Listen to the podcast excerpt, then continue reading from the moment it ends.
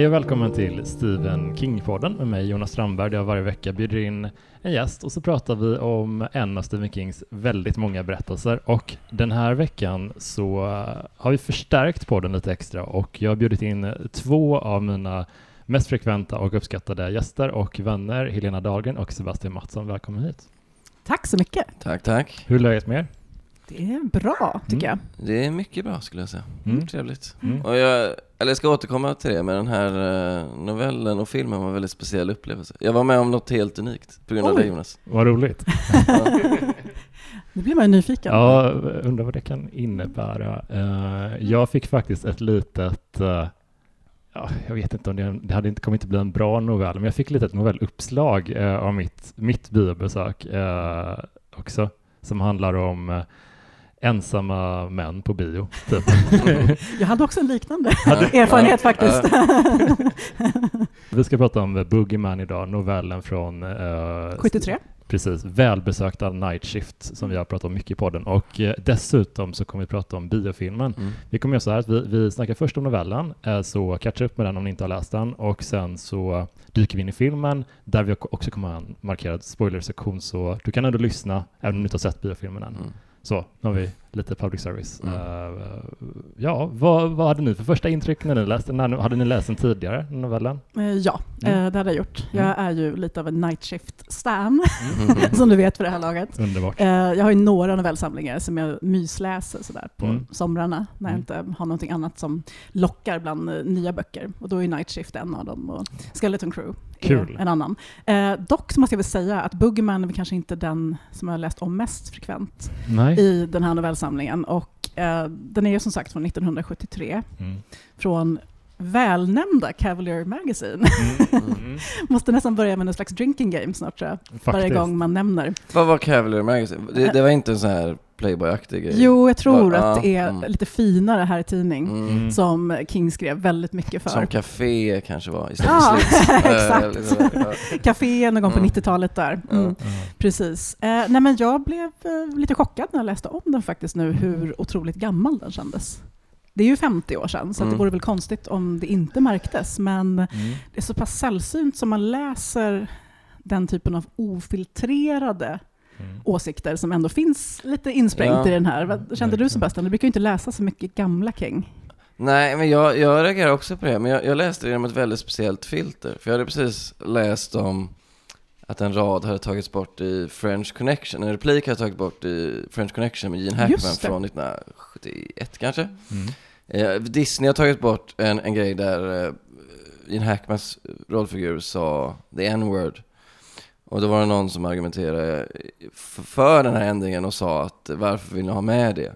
Och det var någon som skrev något ganska smart så här om att jo, men det var det som präglade 70-talet, 70-talets konst, att Mm. eh, man verkligen ville plocka isär hjälten och göra honom så felbar som det bara gick. Mm. Och det tyckte jag med den här Stämmer bra in på den här. det här tyckte jag var så jävla, jävla bra för att den här huvudpersonen då, vi ska kanske återkomma till handlingen lite mer Mm. specifikt sen, men han är ju verkligen, han är ju rasist, sexist, halvbra förälder, Ja, mi- milt sagt, du är du snäll Sebastian. men ändå inte, jag fick ändå upplevelsen att han var en människa och jag tror att det här är ganska så här, ganska rättvist porträtt av en amerikansk arbetarklass man på 70-talet. Mm. Jag tror inte de var bättre än så här. Och jag tyckte det kändes, uppfriskande är fel ord, för det är inte så att jag liksom går och drömmer om att få höra de här åsikterna. Men jag tyckte det kändes bara äkta, och jag tycker att det är ganska fint när man läser just 70-talslitteratur, för det fanns en brytpunkt där, där just amerikansk kultur vågade vara så jävla eh, rå Mm. och smutsig, och det fanns liksom inga good guys. Och just av den anledningen tyckte jag att det skulle liksom inte, ingen, ingen huvudperson skulle se ut så här idag. Och det kan man kanske, man kanske missar någonting då. Mm. Att man liksom, Ja, för människan är ju inte bra i grunden. Alltså, det finns Nej. ganska många sådana här typer. Mm. Eh, som, eh, vad heter han nu igen? Lester, Lester Billings. Ja, ja. det är också the sleaziest name. ja det, det, det, är inget, det är inget super... Eh, Det är ett sleazy namn alltså. Men är vi säkra på att han är människa? Han kanske bara gick runt med sin Lester Billings-mask hela novellen. Ja, exakt. Nej, men för novellen är ju en, en eh, precis som eh, när, när vi, den vi pratade om sist, så är det en väldigt kort eh, Mm. novell. Den är på typ så här sju, åtta sidor kanske. Mm. Och eh, det, det är precis som uh, The Jaunt tänkte jag på, så är det, känns som en spökhistoria med eh, ett väldigt ja, men spökhistorieartat upplägg, Mm. eh, inklusive slutet Mm. faktiskt. Tycker jag. Det, det, det är väldigt mycket så här, den hade inte funkat som en längre berättelse i just det här formatet, utan Mm. det är liksom, den är väldigt kondenserad, eller Mm. komprimerad. Typ. Mm. Men jag älskade just monster och spökaspekten Mm, av mm, The Boogeyman. mm, Eh, mina barn ska skriva noveller i skolan snart mm. och pratade om att de kanske ska läsa lite noveller under sommarlovet nu för att Mm. titta lite på hur andra gör och sådär. Och då eh, visade de Mm. The Boogeyman, förstod vi filmen. Och sen så eh, läste jag lite ur novellen igår. Mm. Och de blev ju, du ska inte spoila slutet än, men de blev ju otroligt impade Mm. av slutmeningen. Mm. Mm. De var så här: wow, så Ja. där vill jag också göra. Gud vad Ja, kul! Ja. Det är Eh, riktigt snyggt. Ja, det är ju otroligt snyggt. Och det är det jag gillar också med den här eran av King, för man kan ha mycket åsikter om andra saker. Kanske litterära kvaliteter tycker jag är bättre idag till exempel. Mm. Eh, man gillar hans huvudpersoner bättre idag också. Mm. Men eh, just det här nästan lite Tales from the Crypt, Alfred Hitchcock Presents, episodskräckaktiga Mm. som präglar de här tidiga novellerna tycker jag är så himla mysigt. Ja, man känner att den här hade funkat som ett Black Mirror-avsnitt Mm, kanske. verkligen. Det är, där, det är där man ska placera, Mm. placera den eh, tonmässigt. Ja, Istället för långfilm tänker vi? Eller ja det, det nej, för- alltså, ja, vi, ja. det kan vi komma till. Ja. Men, eh, men eh, just, jag gillar premissen väldigt mycket för att Mm. när vi pratar om Rose Madder och även andra gånger så har liksom King varit inne på ja, men den här kosmiska ondskan Mm. och eh, mytologi från all, andra religioner och sådär. Mm. Men här är det något så klassiskt som en barn, barndomsrädsla Mm. för det mörka i garderoben eller under sängen. Exakt. Så det är ju väldigt eh, kul att mixa Mm. eh, mytologin på det sättet. För, för vi följer liksom, hela, hela novellen utspelar sig under ett uh, terapeutmöte. Mm. Och det, det kommer in en man som heter Lester Billings Mm. och eh, berättar att eh, han eh, känner skuld för att hans barn är döda. Och eh, ja, så är, återges liksom samtalet Mm. bara mellan de två. Mm. Det är Ja. allt. Typ. Ja, han säger det är någonting jag måste berätta. Ja. Och så lägger han sig ner i soffan Mm. och berättar. Det känns också väldigt så här, tidstypiskt med just att det här med terapisamtalet var ändå lite, lite nytt. Det- är sådär, Woody Allen gjorde mycket sånt. Mm. Philip Roth, som jag återkommer till tusen Mm. gånger. Hela hans bok Portnoy's Complaint, som kom typ 68, så runt där, är ju bara ett terapisamtal. Mm. Det känns som att det var, det var nytt och fräscht då på något sätt, att män börjar gå i terapi. Så Mm. kanske inte Lester är en vanlig liksom, medelklassman som går i terapi, men att det, det, det konceptet kändes liksom säkert nytt då. Men jag tyckte man kände igen eh, att det, det känns som att det har funnits en önskan länge att ha det formatet. För jag tänker jättemycket på, jag läste uh, The eh, Invisible Man ganska nyligen. Och det är ju inte exakt ett terapisamtal, som, Mm. men det är ändå, är ändå ett terapeutiskt samtal som, Mm. som Mm. huvudpersonen har med en annan person Mm. där, där han ventilerar sina problem med att vara osynlig Mm. och vilka ja, bieffekter det Mm. har för honom. Ja, Så det är ett bra sätt att ha liksom ett, ett uttömmande samtal mellan två personer på något sätt. Mm. Eh, så det känns som att, ja. ja, det är otroligt kondenserat och snyggt avgränsat. Mm. Tycker jag. jag tänkte också ganska mycket på, på tal om Roth och Mm. andra samtida författare där mellan 60 och 70-talet. Mm. tänkte väldigt mycket på den geografiska eh, inramningen. Just det. Eh, de bor i Waterbury, Connecticut, Mm. som jag tror är en av de där sovstäderna som man åker förbi eh, på väg ut från New York. Mm. Och eh, 70-talet präglades ju väldigt mycket av att det faktiskt kom en ganska rejäl medelklass Mm. i USA. Mm. Eh, Efterkrigstiden var över, eh, ekonomin var bättre, man hade råd att köpa ett litet hus på pendlingsavstånd. Och eh, jag minns också att jag läste ett förord som Chuck Palahniuk skrev till en av Ira Levins böcker, om det var Rosemary's Baby tror jag. Den kom ju lite, lite tidigare, 50-60-tal någonstans Mm. där. Men eh, där säger Chuck i alla fall att innan Ira Levin så hände skräcken alltid någon annan och någon annanstans. Ja. Innan dess var det kanske ett slott i Transylvanien eller eh, ett spökhus eller eh, parallella världar.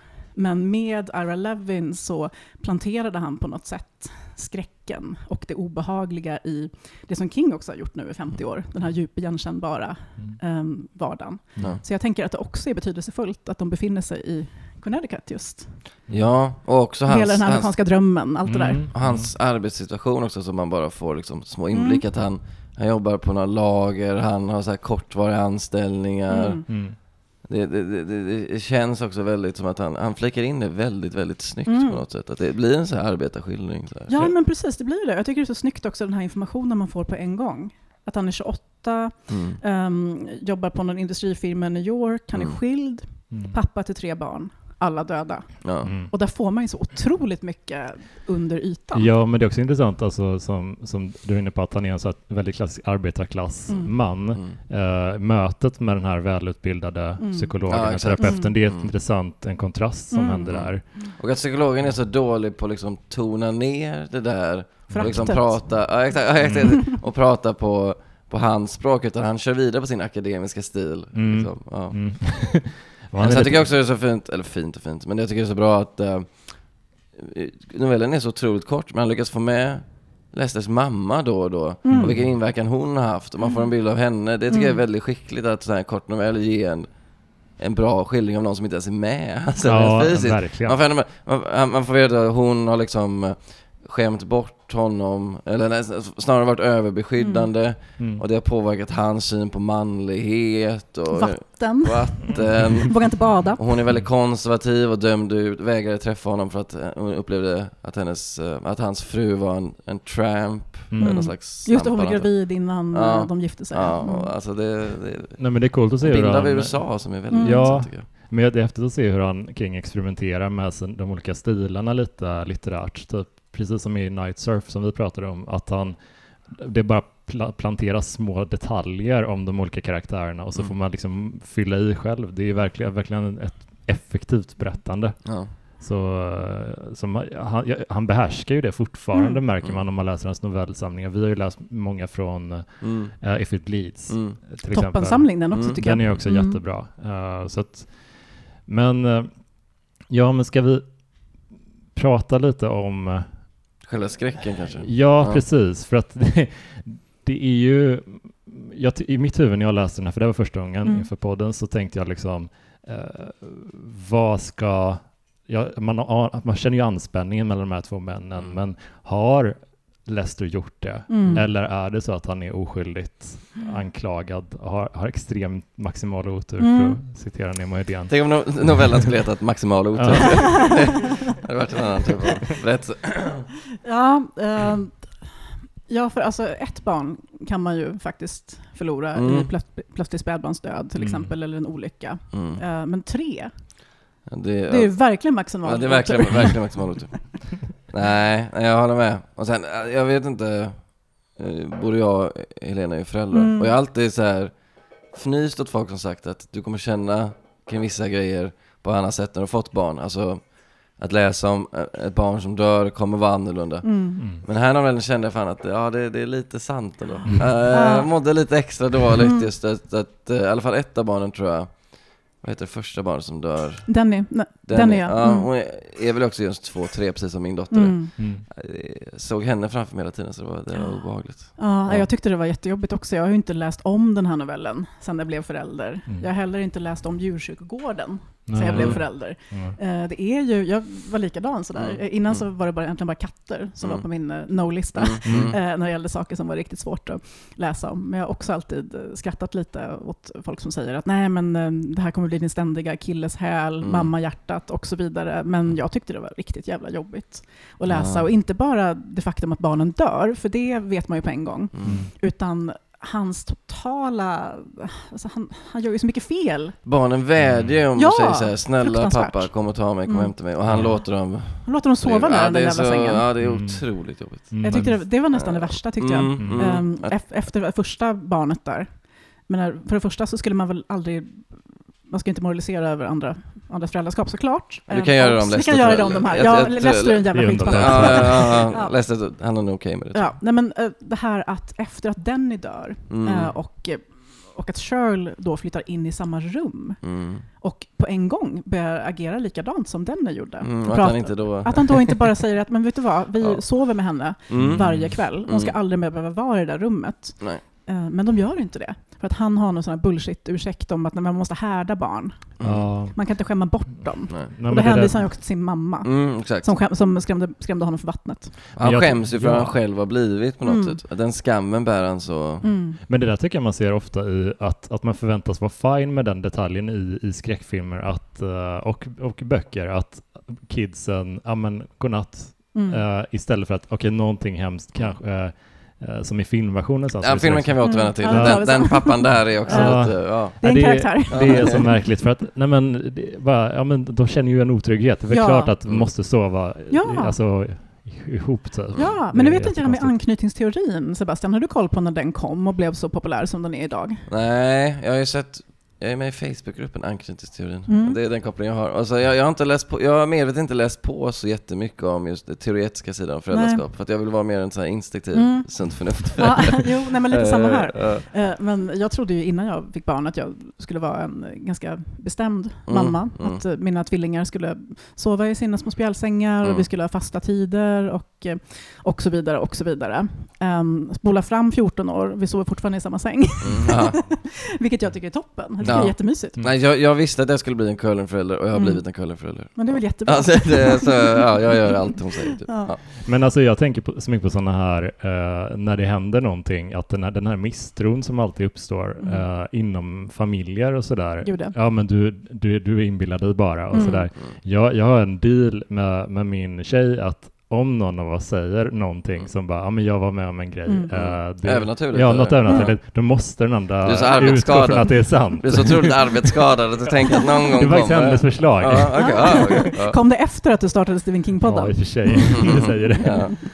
Nej, så... eh, ja, men grejen är att den, den här novellen bygger ganska mycket på, eh, på en, en twist. Mm. Mm. Som jag tycker är skitbra. Just Mm. det, och, och här tänker jag lite att om den här... Jag tycker också jättemycket om den, men jag tänker att den eh, sättet som den presenteras på är precis det som gör det här till en så utpräglad novell. Mm, Mm. För att det, det är the big reveal Mm. liksom, som avslö, avslöjas i slutet. Och det är att uh, Lester eh, är på väg ut till sköterskan och ska fixa ett nytt möte. Mm. Mm. Hon är inte där, Mm. eh, återvänder tillbaka Mm. och eh, ja, vad, vad är det han säger? Eh, ja, då kommer han in där och eh, ropar lite försynt på Mm. eh, Dr. Harper.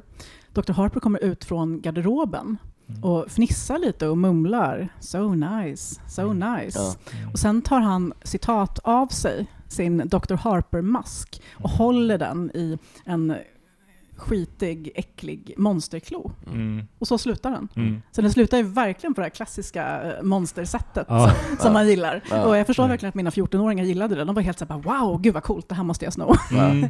Och som sagt, den där twisten gör ju att man läser boken eller berättelsen i ett helt annat ljus sen. För att när jag läste den första gången så tänkte jag att, eh, att The Boogeyman var en allegori över sorg och Mm. att det handlar om eh, plötslig spädbarnsdöd, Mm. kanske någon ärftlig historia, eh, kanske liksom den mänskliga faktorn. Jag minns när jag hade två bebisar samtidigt, vilket är helt sjukt nu i efterhand att de överlevde. Så här, vilket jobbat. ansvar! Att, Ja. tack.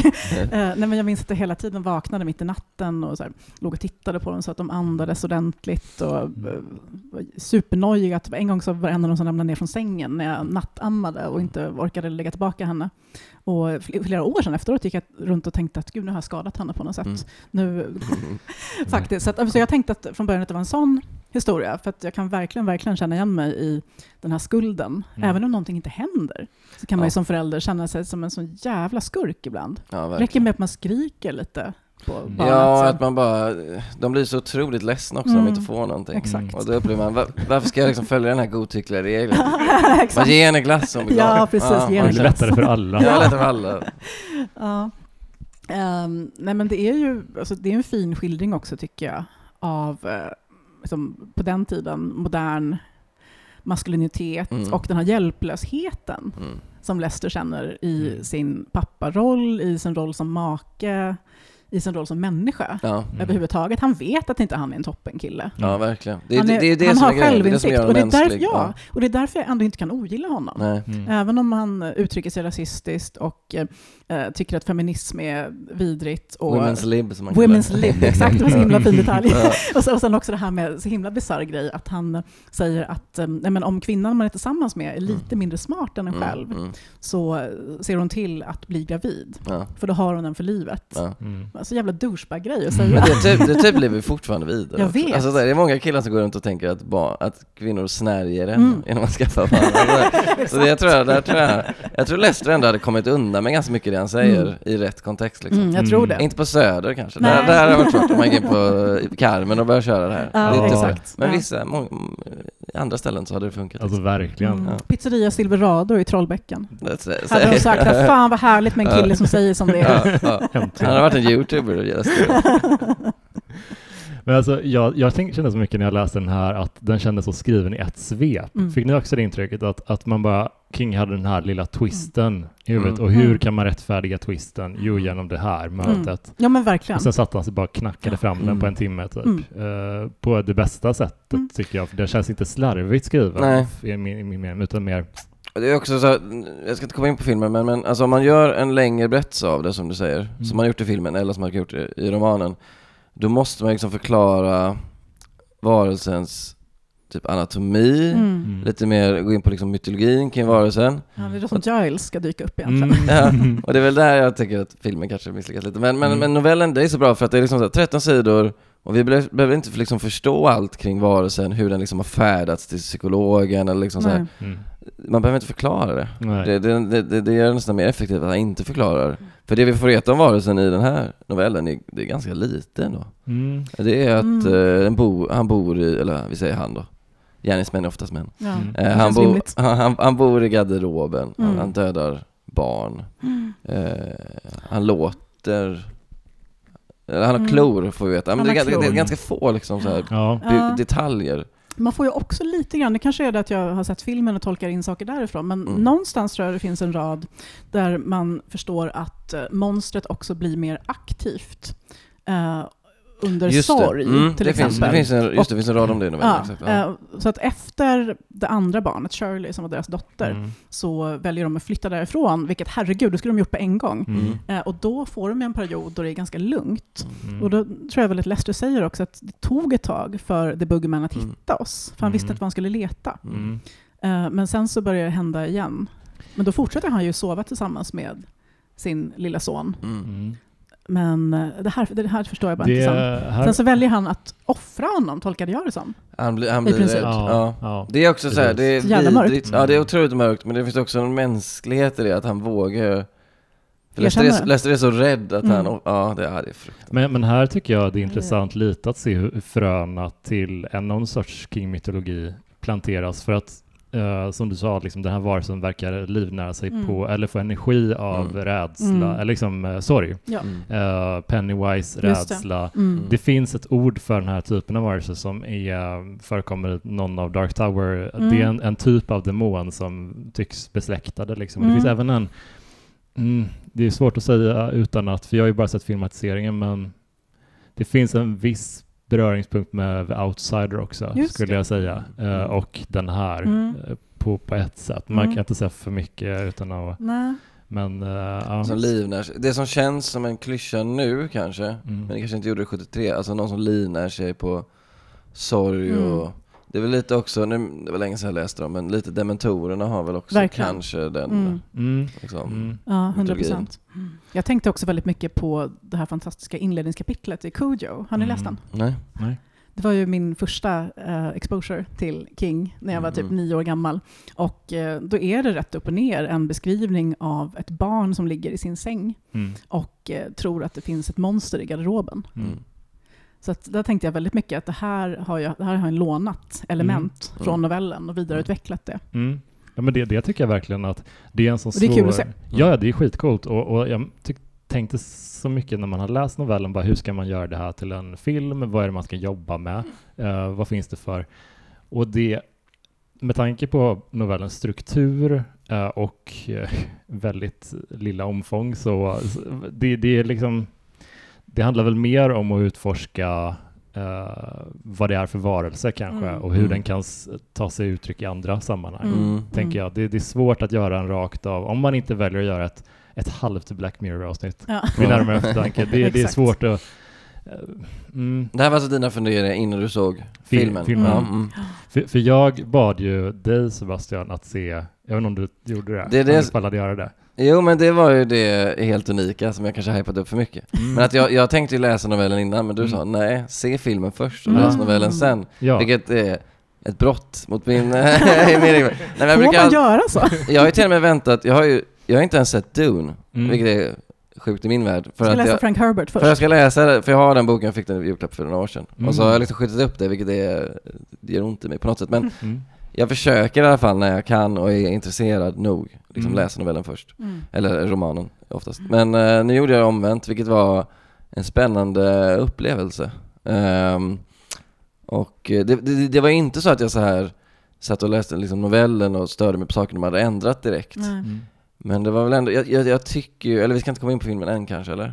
Men jag, jag, jag, tycker novellen är betydligt bättre. Jag vet inte om ni andra Ja. håller med? Jag tycker den är effektivare på väldigt Mm. många sätt. Ja, nej men jag, jag, kan, jag kan hålla med. Eh, samtidigt så blev jag väldigt glad över att man inte hade tagit Lester Billings historia och Mm. gjort den till en hel spelfilm. För Mm. jag hade väldigt mycket funderingar kring hur det skulle kunna fungera i det här Mm. formatet. Möjligen Mm. om man skulle göra någon slags elevated horror arthouse historia, men Mm. en Mm. popcornskräckis som har premiär i juni Mm. Mm. eh, globalt. Mm. Då vill vi dels inte ha en Tre pass barn som dör. Tre barn som Ja. dör. Alltså Mm. redan i djursjukvården så dör ju minst ett, ett det blir två Just faktiskt det. nästan på slutet där. Mm. Eh, men eh, här, alltså tre barn som dör.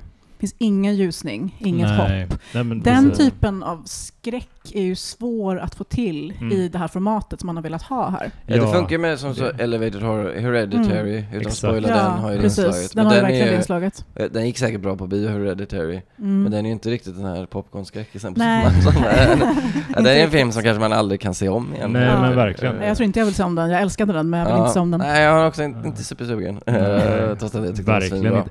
Nej, men det jag tycker det är intressant att, att jag tänker som med musik också, att om man hör att en artist ska göra en, en cover av eh, någon man tycker om, Mm. bara, ja men hoppas det blir något som är inspirerat och tar avstamp i originalet snarare än försöker, eh, ja men vad heter den, um, eh, Shrek-versionen av Halleluja? Som Rufus Wainwright gjorde. Ja, jag tycker kanske den är lite så här, den, den ligger någonstans i mellanlandet Mm. mellan Jeff Buckley och Mm. eh, Leonard Cohen utan att liksom sticka ut för mycket. Mm. Ja, Nu älskar jag Rufus, men det är inte ja. hans bästa Nej, Jag tycker också tolkning. jättemycket om Mm. honom, men jag bara... Nej, jag håller med.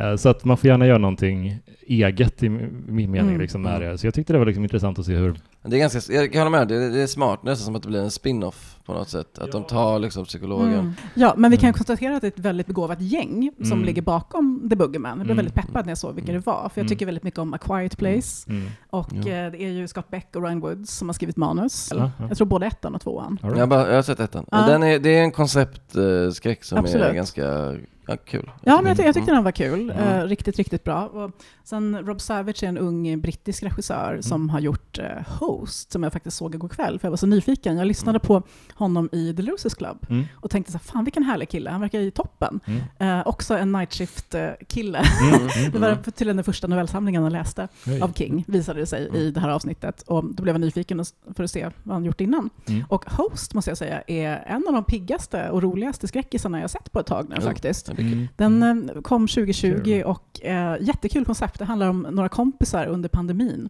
som bestämmer sig, som man gör, för att ha en eh, seans Mm. via Teams. Mm. Och, eh, ja, och sen går allt åt helvete. Och Mm. den är väldigt mycket en hommage till found footage-skräcken Mm. som Ja, jag gillar så mycket. såna. Ja, men jag med. Jag tycker Rec, den här spanska, Ja, är ju Ja, en den av är de absolut den är bästa. riktigt kul. Det är en zombie va? Rick? Ja, precis. Det är Även det. de här Ja, Precis. VHS-samlingarna. Ja, är toppen. toppen, älskar dem. Eh, så att, eh, jag kollade på den med ungarna och vi är verkligen ganska luttrade Mm. skräckfans vid det här laget. Vi kollade på Evil Dead Rise och typ skrattade. Mm. Eh, men här var vi inte kaxiga, kan jag säga. nej. Vi skrek rakt ut, kuddar kastades. Mhm. Och sen skulle jag måla naglarna efteråt och eh, min dotter bara, men mamma dina händer skakar ju. Mm. Eh, Så att eh, jag kan väl säga att jag gillade inte The Boogeyman lika mycket som jag gillade Host. Nej. Nej. Men jag tror att jag gillar den mer än vad många andra fans Mm. verkar Mm. göra. Eh, Mm. För jag bryr mig inte alls om huruvida det är bokstavstroget Nej. eller inte. inte. det är ingen då, faktor då som tycker jag lägger också in. man kan liksom välja att helt, alltså det finns många King- King-filmatiseringar i så fall som man kan eh, dra ner i- ifall man, om, om det är en viktig faktor Mm. för Ja. en snarare än att det är en, en tolkning av Mm. hans grundberättelse. Ja. Typ. Men sen tycker jag också om, man, om det är en novell på typ 13, 13 sidor i den utgången förlorar från Mm. dig. Tio är min tror jag. Ja, Mm. hur mycket kan man kräva då? Att de, jag tror, Exakt. för då blir filmen eh, ja, sju minuter lång. Ja, Nej, alltså, jag, jag, jag hade ju absolut inte det i åtanke i och med att jag inte, på grund av din strikta order, inte hade läst. Så jag såg det mer bara som en, som en skräckfilm. mm. ehm, på, på egna meriter liksom. För Mm. jag visste ju ingenting om, om Nej, men, novellen. men det, jag tänkte så att, att det man har ju, om man har läst novellen så har man läst novellen, den finns där, den, den, historien går att återbesöka. Så varför ska man ha en exakt bokstavstrogen kopia? Mm. Det är alltså, det är som, eh, vad vad heter han, äh, Gus Van Sant när han gjorde Psycho, Just det. Mm. som Så- var en frame by frame. film. Ja, Det var liksom identisk, fast med Ja. Vince Vaughn istället. Varför har Ja. man ens finansierat den? Jag har aldrig Ja. sett den, jag har bara läst om den. Det känns Det, här är det dummaste. Onödigt Ja. konstprojekt. Fullkomligt onödig film Ja. och då älskar jag verkligen My Own Private Idaho och Mm. Elephant Last och Days. precis Last Days, Ja. jättemycket av andra saker han har gjort. Men ja, nej, men jag, man märker ju att det här är ett gäng som är väldigt förtjusta i skräckfilmsgenren. Ja, och jag hade även en, en, en favorit som var inblandad i filmen, eh, David Dastmalchian. Ja, just det, du kommer ihåg Eh, hans namn nu. Jag får träna på det. Jag skrev precis en, en lång artikel om skådisar vars namn man inte kommer Mm. på, så det har tvingat där med honom. David. Dastmalchian tror jag Med. Batman bland annat, Ja. The Dark Knight. Jag läste ett jättefint porträtt av honom på Hollywood Reporter igår kväll, där han, Vem var han i... Uh... han spelar Lester en- Billings. mhm. Ja, precis. Och han spelar en Jokerns eh, skrattande anhängare i Dark Knight. Jaha. Som blir förhörd av Harvey Mm. Dent med en pistol mot Mm. Ja, otrolig karaktärsskådis verkligen. Mm. Ja, och han, hans resa tyckte jag var så intressant för att han har liksom eh, han fick någon sorts puttrigt breakthrough i Dark Knight, Mm. men det ledde inte till att han fick liksom jättemånga roller, utan det var mer som att folk, alltså andra intressanta eh, autörer började upptäcka honom. Denis Villeneuve till exempel Mm. eh, satte honom i Prisoners, Mm, just det. Mm. och sen även i Blade Runner 2049. Vem är han där? Jag älskar Blade Runner 2049. Ja, det var länge sedan jag såg den, men han, är, han, är inte, han har inte en skitstor roll som jag minns det. Jag måste kolla upp det. Han, han, är, han är alltid, han är alltid så här en som adderar krydda Mm. typ till filmen, så att man Mm. bara shit den är... Mm. Mm. Eh, han är inte alltid creepy tycker jag inte, men han är alltid lite off Mm. på något sätt. Han Ja, precis. Mm. någonting med sin... Ja, men det är någonting med hela hans energi. Han påminner Mm. lite grann om den här killen som eh, är med i Mulholland Drive och Twin Peaks The Return, som jag heller aldrig vet vad han heter. Mm. Du vet han, han som eh, berättar historien om varelsen bakom Winkies. Mm, mm. Just det. Li, lite samma känsla av att de har sett någonting fruktansvärt som Ja. har eh, märkt dem som Mm. människor. Ta- han är ju även med i uh, Dust Mulchian, han är också med i Twin Peaks Just Return. ja. Så Ja, att där är han, han Ja. har liksom, eh, han Just har Christopher Nolan, Mm. Denis Villeneuve och David Lynch. Det är liksom, Mm. de, De plockat- ser honom och... Starkt CV. Ja, Mm. så det är ändå, men det är ganska många år mellan Mm. de här insatserna, så att Mm. han har inte, han har haft en bra puttrig karriär helt enkelt. Och så när jag såg att han var med här, bara Mm. yes, gött, den här Ja. kommer vara intressant. Mm. Jag, jag, jag tycker att just den scenen, eh, när Lester kommer in Mm. hos eh, terapeuten Mm. och sätter sig i soffan och berättar sin historia. Mm. Jag vet inte hur lång den scenen är, den kanske inte är mer än tio minuter, Mm. allt Ja. som allt. Men det är ju absolut en av höjdpunkterna i filmen för mig. Ja, den är bra. Ja, för det, det de har gjort med filmversionen av novellen, det är att eh, den här psykologmottagningen, den är i, i huset Mm. där psykologen bor. Eh, han bor där med sina två döttrar. Eh, deras, uh, döttrarnas mamma, hans, fru, de, hon har dött i en bilolycka, Mm. verkar det som, eh, en tid innan Mm. filmen börjar. Så de bor där ensamma, de håller på att bearbeta sorgen, de har liksom börjat försöka gå vidare. Tjejerna Mm. börjar försöka gå i skolan. Mm. Och eh, ja, han sitter där och liksom arbetar sig igenom sorgen typ. Mm. Och det tyckte jag jättemycket Mm. om för det, det kändes som ett, ja, men ett mänskligt smart grepp att, att ta sig an, an det. Att de, Mm. är, de är liksom mottagliga, Mm. sårbara och lite splittrade. typ. Precis. Ja, för jag tänkte väldigt mycket på det, eh, just det här med Quiet Place också. Mm. Att tystnaden har ju en väldigt stor roll, Mm. även i The Boogeyman. Mm. Det känns ju som att monstret frodas i den här otroligt sorgliga tystnaden som har uppstått mellan I pappa... de tomma salongerna. I de tomma Mm. salongerna i det här huset. Det är mörkt, det är tyst. Det outtalade. Det liksom. outtalade, Mm. precis. För varje kväll som de inte förmår prata om det som alla tänker på Mm. så växer sig The Boogeyman allt starkare. Mm. Och det tyckte jag var väldigt snyggt faktiskt. Mm. Eh, Det hade de verkligen lyckats med.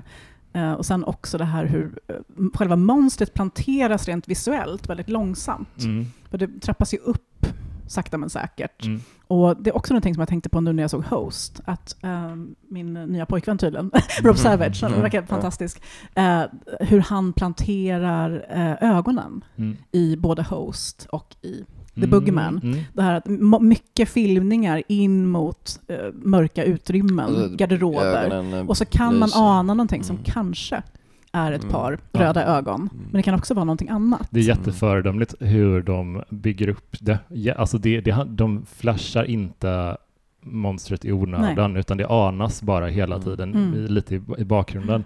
Jag tycker vi kan...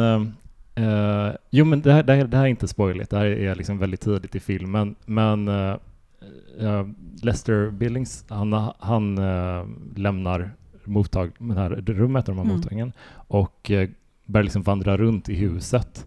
Och samtidigt då har den äldsta dottern kommit Mm. hem och vet inte att pappan har en session som pågår. Så man ser liksom hur han vandrar omkring i Just bakgrunden Mm. Periodvis. Och det är en sån... Alltså jag blir så Det jävla- var fruktansvärt. Ja. Där höll jag på att skita på mig. Alltså. Det var riktigt obehagligt. Ja, han har en sån... Eh, det är något med hans hållning, typ, Mm. att hans huvud skjuter ner lite mellan lång, axlarna. Jag Han tror är, det. Ja, han men han beter sig inte som att han är lång. Det Nej. är någonting med hans hållning. Ja. Det- Han, han är en, som a broken man på något Ja. sätt. Han lyckas verkligen förmedla det. Verkligen. Jag lyssnade på en intervju med honom eh, där han, för att liksom få lite, i- inte störa liksom inspelningen, så hade han Mm. gått, poddade han från en, eh, en garderob i sitt hem. Mhm. Och i den garderoben så stod hans dotters eh, dockor och leksaker Nej! vid sidan. Så han sitter där mörk garderob ihophukad med en massa le- barnleksaker. What could possibly Han lämnar aldrig sin karaktär. Nej, det låter ju väldigt in character. Men på tal om skådisar man gillar. Mm. eh, Jag har ju pratat tidigare i podden om Yellow Jackets. T- ja, jag tänkte att jag skulle komma in på det. Ja, Ja. eh, så, eh, skit i Succession. Yellow Jackets är ju så mycket bättre tycker jag. Mm. Det är Flugornas herre möter Heathers i Mm. kanadensiska eh, vildmarken. Och det är liksom som en feberdröm från eh, mitt 90-tal. Så här, Christina Ricci, Mm. Juliette Lewis, Melanie Linsky som jag tycker är helt underbar, både här och The Last of Us. Och i The Boogeyman så är det ju Sophie Thatcher som spelar. Juliette Lewis som ung, Mm. som gör rollen som, uh, Sadie heter hon va? Mm. Ja, Den eh, lite äldre tonårsdottern. Eh, så att när jag såg det blev jag ju väldigt, väldigt glad. Ja, jag skulle säga att de, hon och även den lilla tjejen som Mm. jag också tycker mig känna igen. Mm. Just det, vet, eh, Sawyer. Ja, Mm. jag vet inte om man, man sett det någonting. Jag, tror, jag tycker att, jag kände hela tiden att ni bär ett extremt stort lass. Mm. Eh, för jag upplevde att manuset kanske inte var det mest spektakulärt bra Nej. Mm. jag någonsin hört. Det var ganska mycket klyschor. Mm. Jag tänkte på det, nu ska vi, pappan har en monolog i slutet som vi inte behöver komma in på än, men Mm. jag kände verkligen att shit, jag kan typ gissa exakt Ja. vad du ska säga. Det här, är så, det, det här är liksom platt, men Mm. Mm.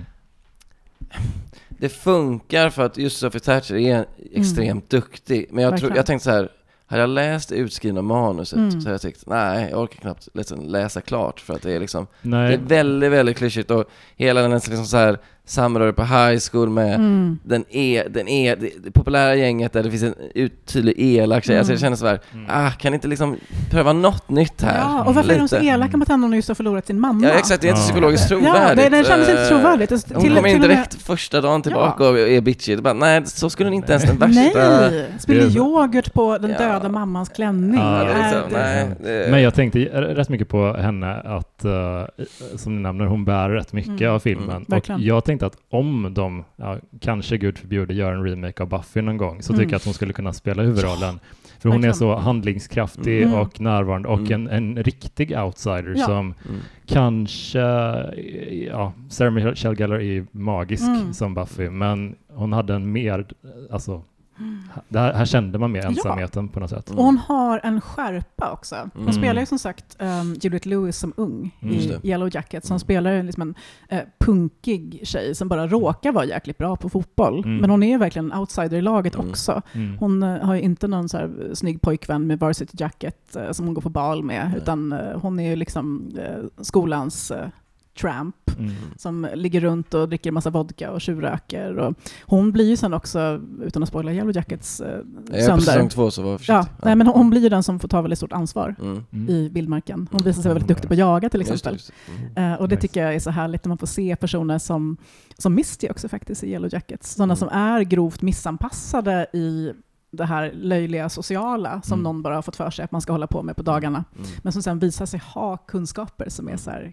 Mm. otroligt användbara. Men Mm. nog om Yellow Jackets. Mm. Men Sophie Nej, Thatcher jag- jag är jättebra. Hemskt också för oss som är hyfsat bra socialt men som inte kan någonting. Eller hur? Ja, man är helt körd. Vad, gör vi? Ingen, jag kan inte knyta en knut. Nej, alltså jag är, så fru- jag är nästan parodiskt opraktisk. Ja. Däremot är jag bra med djur och barn. Ja, exakt. och kanske kan trösta folk möjligen. Ja. så. Ja, jag vet inte. Nej men alltså, det, om man ska, det är så svårt att dra en, en linje när det börjar bli spoilerterritorium Mm. för folk är olika känsliga och sådär. Precis. Men man kan ju säga att det händer någonting efter den här sessionen med eh, Lester Billings Mm. som eh, ja, skjuter saker i en annan riktning. Eh, och där kan man kanske lä- lägga det. Ja, Är- Är det en bra Mm. Det är punkt? Det, Det låter bra. väldigt så att om ni inte har sett filmen än så kan ni pausa nu Mm. och se filmen och Mm. läsa novellen. Mm. Så fortsätter ni lyssna sen. För det låter som att alla vi tre hade eh, ganska tomma biosalonger Ja, där vi såg filmen. Jag var med om något, det kan jag för sig berätta, också något unikt. Ja. Det, och jag, jag, det är jag, mycket unikt här idag. Nej, men det var, de, jag ska inte hänga ut något, men det var, folk, det var eh, en tjej och en kille framför mig. Um, jag var på Filmstaden Söder Mm. och killen sa så här, kan jag bara få smita in och gå på toaletten? Mm. Och den unga tjejen kastade sa ja, ja. Och sen såg jag ju samma par sitta bakom mig. Så de har sparat 300 spänn på... Det är skitbra. Jag kände bara beundran. För Ja. jag, tänkte, jag blev också Well arg på att, biljett- att biljetterna kostar 150 spänn Ja. nu. Det är helt sinnessjukt. Så då kände jag, ja men okej, Ja. fuska er in då liksom. Det, det var också nästan helt tom biosalong. Så. Ja, nej men det var samma här. Eh, Jag gick med mina 14-åringar. Det är så härligt nu förresten att man kan ta med sig sina tonårsbarn på eh, 15-årsfilmer. Mm. Eh, Det är ju 11 år nu, vuxensällskap. Så vi har ju sett allt nu, Mm. alla skräckisar. Nice. Asgött. Eh, Själv fick jag smyga in på Pulp Fiction när jag var 14 med- i högklackat Mm. Liksom, och hoppas på det bästa. Mm. Eh, nej men vi såg den eh, typ 20 i tre på eftermiddagen. Mm. Mm. Och eh, det var vi, och så var en tjej längst fram som jag tror var ett fan också. Mm. Eh, och bakom oss var det tre snubbar som var skitjobbiga. Mm. De eh, satt och pratade, någon um, skypade mitt uppe i Nej. allting. Nej. Och jag vände mig om och hyschade dem med min liksom, allra vassaste bibliotekarieblick. Mm. Varpå min dotter dog av skam och skrek ”Håll käften mamma”, men de hörde bara ”Håll käften”, så de tystnade. så tack. Agnes, Ja. ja. att du skäms över din mamma. Ja. Nej, men sen sprang de fram och tillbaka under hela filmen och eh, den är ju ganska otäck. Alltså, så att vid Mm. flera tillfällen så satt vi på helspänn och eh, egentligen så här, satt, som en, så här, satt som tre personer i en Mm. kropp i princip och typ nästan darrade för vi tänkte Mm. att nu kommer det komma någonting hemskt. Mm. Och det var alltid då som de valde att eh, komma tillbaka in Mm. och liksom smyga in lite grann också, så Mm. man såg de här stora skuggorna Mm. på sidan av salongen. Det är i och för sig Mm. effektfullt. Ja, Ja, det var effektfullt. Nej, men det är ju den här Sara Larsson-skolan Ja. eh, som hon har etablerat där. ja. Genom att gå ut och säga att man ska prata under film. Och, jag brukar... Jävla Sara Larsson. Ja, faktiskt. Ah. Alltså, Det- min, mitt Förlåt, var bästa det inte sätt- okej? Nej. Ja, Men jag jobbar lite med den där grejen, eh, mina anger management issues. på bio. jag, jag är medveten om dem, men, ja, men jag brukar alltid sätta mig längst bak. Mm, För just att då, om man hör någon som hyschar en bakifrån, Mm. det, är lite, det är lite obehagligare. typ. Sant. Eller om någon knackar en på axeln Ja. från en os- en osynlig person. Ja. Det, det är liksom, man kommer dit Ah. ovanifrån och man är osedd. Ja. Så det, bra. den är bra. Mm. Eh, men det var jättelugnt för min bio, vis, Mm. visning också. Det var bara, det var en, när jag bokade så var det bara jag. Oj. Eh, och sen när jag kom in så kom det en annan kille, ensam man också. Ja. Och sen ett, en kille och en tjej. Ja. Eh, så att det, det var ju verkligen Var det på Mår- eftermiddagen också eller var det på kvällen? Ja, sen eftermiddag, Mm. typ femtiden typ. Så, Det här känns ju mer som en kvällsfilm kanske. Ja, Mm. men det var ju verkligen så Morbius-stämning. Mm. i- Den såg jag ju favorit. premiärdagen och då var vi 11 personer i Mm. en jättestor salong. Men den var, låg ändå, nu vet jag inte i och för sig hur mycket det säger just nu, biostatistiken kanske är nere ändå, men den var ändå topp, jag tror topp sex på Ja, men det är, det är väl ja. den skräckfilmen man kan se Mm. nu, för jag, jag kommer inte på det, kanske inte, det finns väl ingen annan? Kommer en ny Insidious snart, men det är först om några Just veckor. det, Ja. såg jag på det. Mm. Just det. Och uh, The Nun som jag såg en trailer på Just det, ser, tvåan. ser helt bedrövlig ut. Ja. men, Ja. Ja, alltså jag älskar ju The Conjuring-universat, Ja. eh, men just The Nun är ju en bedrövlig film faktiskt. Nej men Ja. alltså, och sen The Nun, det var roligt för The Nun hade en jätteförutsägbar, jag såg bara trailern då, Mm. inför det här, och den hade en jätteförutsägbar jump scare. Mm. Och det kanske jag vill komma in på att den här filmen, jag blev så trött på jump scares. Mm. Och det är inte så att jump scares inte funkar för mig, för det kan jag, det kan jag erkänna att de funkar jättebra för mig. Mm. Men det, det, jag tycker det är så tom skräck. Mm. Då gillar jag mycket mer den här hereditary, jag är säkert inte först med den spaningen, men jag gillar den här hereditary krypande stämningen för den stannar kvar. Mm. Mm. Jag tycker filmen reduceras till typ en sån här berg och dalbana. Men när det är så här tillfälliga adrenalinkickar. Det blir för många Mm. loopar. Ja, och man blir så här, Mm. aha, okej. Okej, ja, ja, ja ni, grattis, ni fick mig. Jag hoppade till när det här monstret dök upp, men vad är det egentligen värt? För jag är ju Ja. inte rädd på riktigt, jag har liksom bara hoppat till. Och eh, just den här tyckte jag, här kan man kapat ganska många jumpscares. Jag vet inte hur ni känner. I alla fall i, början, i slutet när det blir lite mer action, då kanske Mm. man köper det. Mm. Men det är så här. Man vet också vad som ska hända typ. Alltså även om man blir chockad, man liksom sitter och bara väntar Mm. på det. Ja, men jag tyckte de funkade ganska Mm. bra, m- men eh, jag var ganska trött på pappan generellt, Ja. för att han är liksom, han, han är... Jäkla sopa alltså. Ja, men förlåt. dels, dels är han en typ terapeut eller psykolog, jag kan liksom inte exakt Mm. vad det var, men, men han, han är liksom en person som är utbildad och, och handskas med folks Mm. känslor och, Mm. och reaktioner. Men han lyckas ändå inte på något sätt kommunicera med, med sina döttrar. Eller med Lester, jag, jag, jag blir också sur på när han går och ringer polisen. För jag tänker så här, Mm. men inte det här är ändå ditt ansvar? Och, Ja. liksom, Mm. Det kommer en person och ber om hjälp, visst han verkar inte superstabil men Också Ska du gå och ringa snuten det Sådär tror jag inte man får göra Nej. heller. Om någon, Tror inte heller gör det någonting, alltså om, om man är typ sjukvårdspersonal då har man Mm. tystnadsplikt Mm. och om man är, det finns något som heter absolut tystnadsplikt också Mm. som är ännu hårdare Just dragen. mm. Och då får man typ bara berätta för polisen om någon säger att jag ska mörda någon. Ja. Exakt. Man får liksom inte berätta typ om någon erkänner ett Nej. mord. Vilket jag jag inte heller har gjort heller. Nej. Eh, nej, nej men precis. Jag tycker det är så, jag, visst, Han är bara en kille som mår väldigt, väldigt dåligt. Så han, bry, Ja. han gör ett gravt liksom han hanterar Lester så jävla illa, för han, också, han gör ingenting för att, nu fattar jag att dramaturgiskt sett så måste han ju behandla Lester så, men Mm. en riktig psykolog här kanske ta ner stämningen lite Mm. och liksom så här Mm. bryta den här spänningen och kanske prata lite mer Han är också, innerligt och liksom, ja, men han är Mm. Han är också dålig på sitt jobb. Ja. Ja. men Lester här är ju en annan typ av karaktär i novellen också. Ja. Han är ju en, eh, han är mer av en slagen man Mm. än en, en lite dryg Mm. snubbe Mm. typ Mm. på något sätt. Eh. Den här Lester tror jag ändå kan uppskatta Women's Lib. Det tror jag. Den här Lester var ganska halv, han var ganska woke. Han verkar Ja. också ganska, en bättre förälder tror Ja jag. men det tror jag Mm. också faktiskt. Eh, Ja, det är synd att man inte får lite mer Lester. Känner Ja, jag. För, ja. för, eh, absolut, jag förstår ju begränsningarna att man kan inte låta den delen av berättelsen ta allt för stor Mm. plats. Mm. Nu när man har fattat det här beslutet, och jag tror att det var rätt beslut faktiskt. Och Mm. jag tycker också om den här idén om monstret som någon slags smitta. Mm. Mm. Eh, där man gör sig sårbar genom sorg, Mm. genom saknad, men också genom eh, den här oförmågan att hjälpa varandra. Mm. Så den biten tycker jag är bra, men jag hade jättegärna haft en längre scen med Lester, där man Ja. har fått veta Ja, lite jo. mer om honom. Jag håller med. För det som hände sen är ju att äh, dottern i familjen, alltså dottern, hon börjar undersöka, hon Mm. börjar se saker, Mm. eh, eller båda döttrarna har börjat se Mm. saker i mörkret och förstår att det här kanske är något som inte bara är sorgepsykoser, Mm. typ, utan så den äldsta dottern söker upp Lesters eh, Exfru. ja precis, och eh, där har de ju lånat ganska många kort från eh, de nya Halloween-filmerna. Just det! Just att hon är liksom garvad överlevare. Ja. Det, och det tyckte jag. Mm. mycket... Sitter i något gammalt uh, ruttet hus Mm, liksom. Det tyckte jag faktiskt mycket om.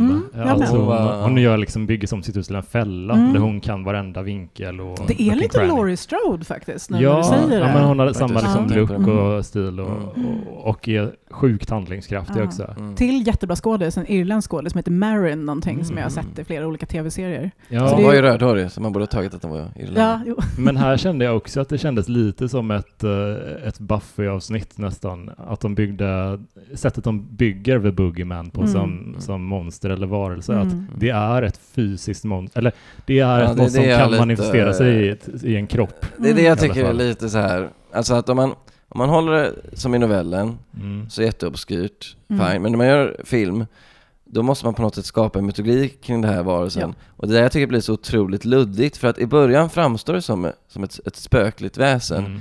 För att i slutet blir typ Alien vs Predator, är Ja. bara en vanlig Mm. action. Mm. Och då tänker jag så här, hur funkar liksom lagarna kring det här monstret? Mm. För att Mm. då är det ju en fysisk varelse, men i början framstår det inte riktigt så. I början framstår det som att den kan färdas lite runt i rum utan att synas, Mm. dyka upp, Ja. lite, lite, lite, lite abstrakt så. Mm, Ja. ja. Metafysiskt nästan, men sen blir, i slutet blir det ju verkligen bara, ja det här är typ Predator Ja. och, och hon är Arnold och nu ska vi ja, nu spränga ska vi honom. bränna upp det. Ja, liksom. ska men vi jag- skjuta honom med pistol och det går typ. Men jag Mm. tolkar det som att det, det är en varelse som kan manifestera sig fysiskt men också kan eh, transportera sig Mm. på ett and, andligt plan. Ja, typ. det är det som är lite Exakt. så här. Ja, det är lite- ah, Ja, det- flytande. Alltså jag, jag är inte någon som sitter och så här kräver, ja jag vill ha med en, en manual för hur det här Nej. måste funka, men jag tycker det Det är blir... mer Jonas i så fall. Ja, Ja, jag tycker det blir lite att de gör lite lätt för sig, att man så här monstrets regler följer berättelsen Mm. på något sätt. Att Ja. nu gör vi monstret som den... Nu behöver Ja. monstret Mm. byta hus. Mm. Den, grej, den scenen Ja. mot slutet där monstret är, ena sekunden är i. Billingsvillan Mm. och sen är, helt plötsligt är i deras Eh, Harpers. Mm. Mm. Hur? Ja, Ja. de det måste funkar om det är en ja. fysisk varelse liksom. Ja. Går han Precis. då längs vägen? Ja, I-. Springer Ja. svettig Ja. när kommer fram. Ja, jag vet inte. Men det Eller en hund ja. som svettas med tungan. Men det fanns ju ett spår som hade kunnat bli så jävla snyggt eh, Mm. om de hade gått på det faktiskt. Och det är, tror jag, sista scenen i Billingshuset. Mm. Um, Sadie har varit på sjukhuset, eh, för hennes lilla syster har blivit skadad Mm. av eh, The Boogeyman och eh, då ringer uh, Lesters exfru och säger att det. måste komma hit. Mm. Eh, vi ska ta slut på honom ikväll. Mm. Hon kommer dit och eh, blir attackerad Mm. av frun. Mm. Och då fick jag typ gåshud och tänkte wow, Mm. det är hon som är The Boogeyman. Mm. Det hade varit kul. Det hade Ja. varit riktigt Ja. snyggt Ja. om det var så. så att Ja. nu, dödar, nu dödar hon henne. Mm. För, att, för att The Boogeyman har fäst sig. Mm. De har manifesterat sig i henne och hennes sorg och hennes frustration och hennes Just det. ilska. Mm. Det hade kunnat bli jättesnyggt. Mm. Men där någonstans så kommer ju också de här helt gränslösa CGI-effekterna fram. Mm. Ja, det- Mm. Och jag Det- tycker också, eh, förlåt jag avbryter Jonas, Nej, nej. men jag tycker designen av monstret Mm. när man får se hela är så själlös. Jag vet! Mm. Det ser ut som en random fiende i Resident Evil-spelen. Ja, Alltså, det är som en, liksom- en av de där Och inte ens de slicka- nya Resident Evil. Nej, men en det av de där som liksom- slickarna från eh, Resident Evil 2, de som klättrar Ja, i taket och de långa exakt. tunga. Mm. Det Typ ser ut så. som vanlig sån här standarddesign Ja. på, alltså så otroligt trist bara. Ja, men, Men för du, ser- du, du sa ju det hela innan, eh, med ögonen. Mm. De har- känns som att de överger dem helt. Jag när. Liksom. Och sen också i slutet när det ska vara en liten var, det är också en sån klyscha, det finns liksom en liten varelse inne i Exakt. gapet. Alltså hur många gånger har vi Det är ju väldigt Stranger Mm. Things också Ja. med, vad heter, vad, heter det här, Vecna och Demogorgon. Ah. är det också så att de öppnar sig nästan som någon slags så här inverterade blommor och visar ja, sig men ha... de, de plockar ju ganska mycket Stranger Väldigt Things-estetik. mycket. Det här, de här växtligheten i taket Mm. som Mm. bara när varelsen börjar det, sätta sig det. och, och det är sådär. ju en producent som har jobbat med Stranger Things, som Ja. har jobbat på Boogeyman. Ja. Och jag tänker att det är väl lite, bara lite skamlöst flörtande för Mm. att kidsen älskar Stranger Things. Men det är intressant hur eh, hon, uh, Lesters änka, hur hon... eh, eh, hon har ju- Rita kom jag på att hon hette nu. Mm. Ja, just det, Mm. Rita. Hon, gör ju, hon har gjort läxan Mm. också. Mm. Hon vet, hon har liksom studerat det här, den här Mm. varelsen, vet Mm. att den fäster sig antagligen. Historiskt har den fäst sig vid flera andra människor. Mm. Hon har ju pluggat på, hon Just har det. riggat huset, hon har liksom gjort saker för att stoppa Ja. den på hon, något sätt. Hon har ju lampor överallt för att hon Ja. vet att eh, Mm. monstret dras till mörkret. och det är Och inte just att den kan nollställa elektricitet så kör Mm. mycket levande ljus Just istället. Ja, Eh, men, men sen så typ har vi den äldsta dottern som är väldigt proaktiv Mm. och försöker stoppa. Hon säger ju till och med till farsan eh, när hon springer iväg från sjukhuset, han, han frågar var är du på väg? Hon Mm. bara, någon måste ju ta tag i det. Mm, exakt. För han är helt passiv Mm. Helt handlingsförlamad. Dels så, han hjälper ju knappt dem med terapi. Han lyssnar inte på dem när de pratar om att de saknar sin mamma. Han är den sämsta farsan. Mm. Alltså, Och någon- en dålig terapeut också med Lester, Ja. så han är Ja. dålig på en, allt. en bra terapeut däremot, det är ju döttrarnas Ja. terapeut som Mm. liksom Mm. testar dem med lite KBT och Mm. försöker få Mm. farsan att prata om sina känslor. Hon är ju också en jättespännande Mm. bikaraktär, tycker jag. Hon är otrolig tycker jag. Eh, och nu vet inte jag ifall det var för att jag hade läst novellen flera gånger innan och vet Mm. hur den slutar.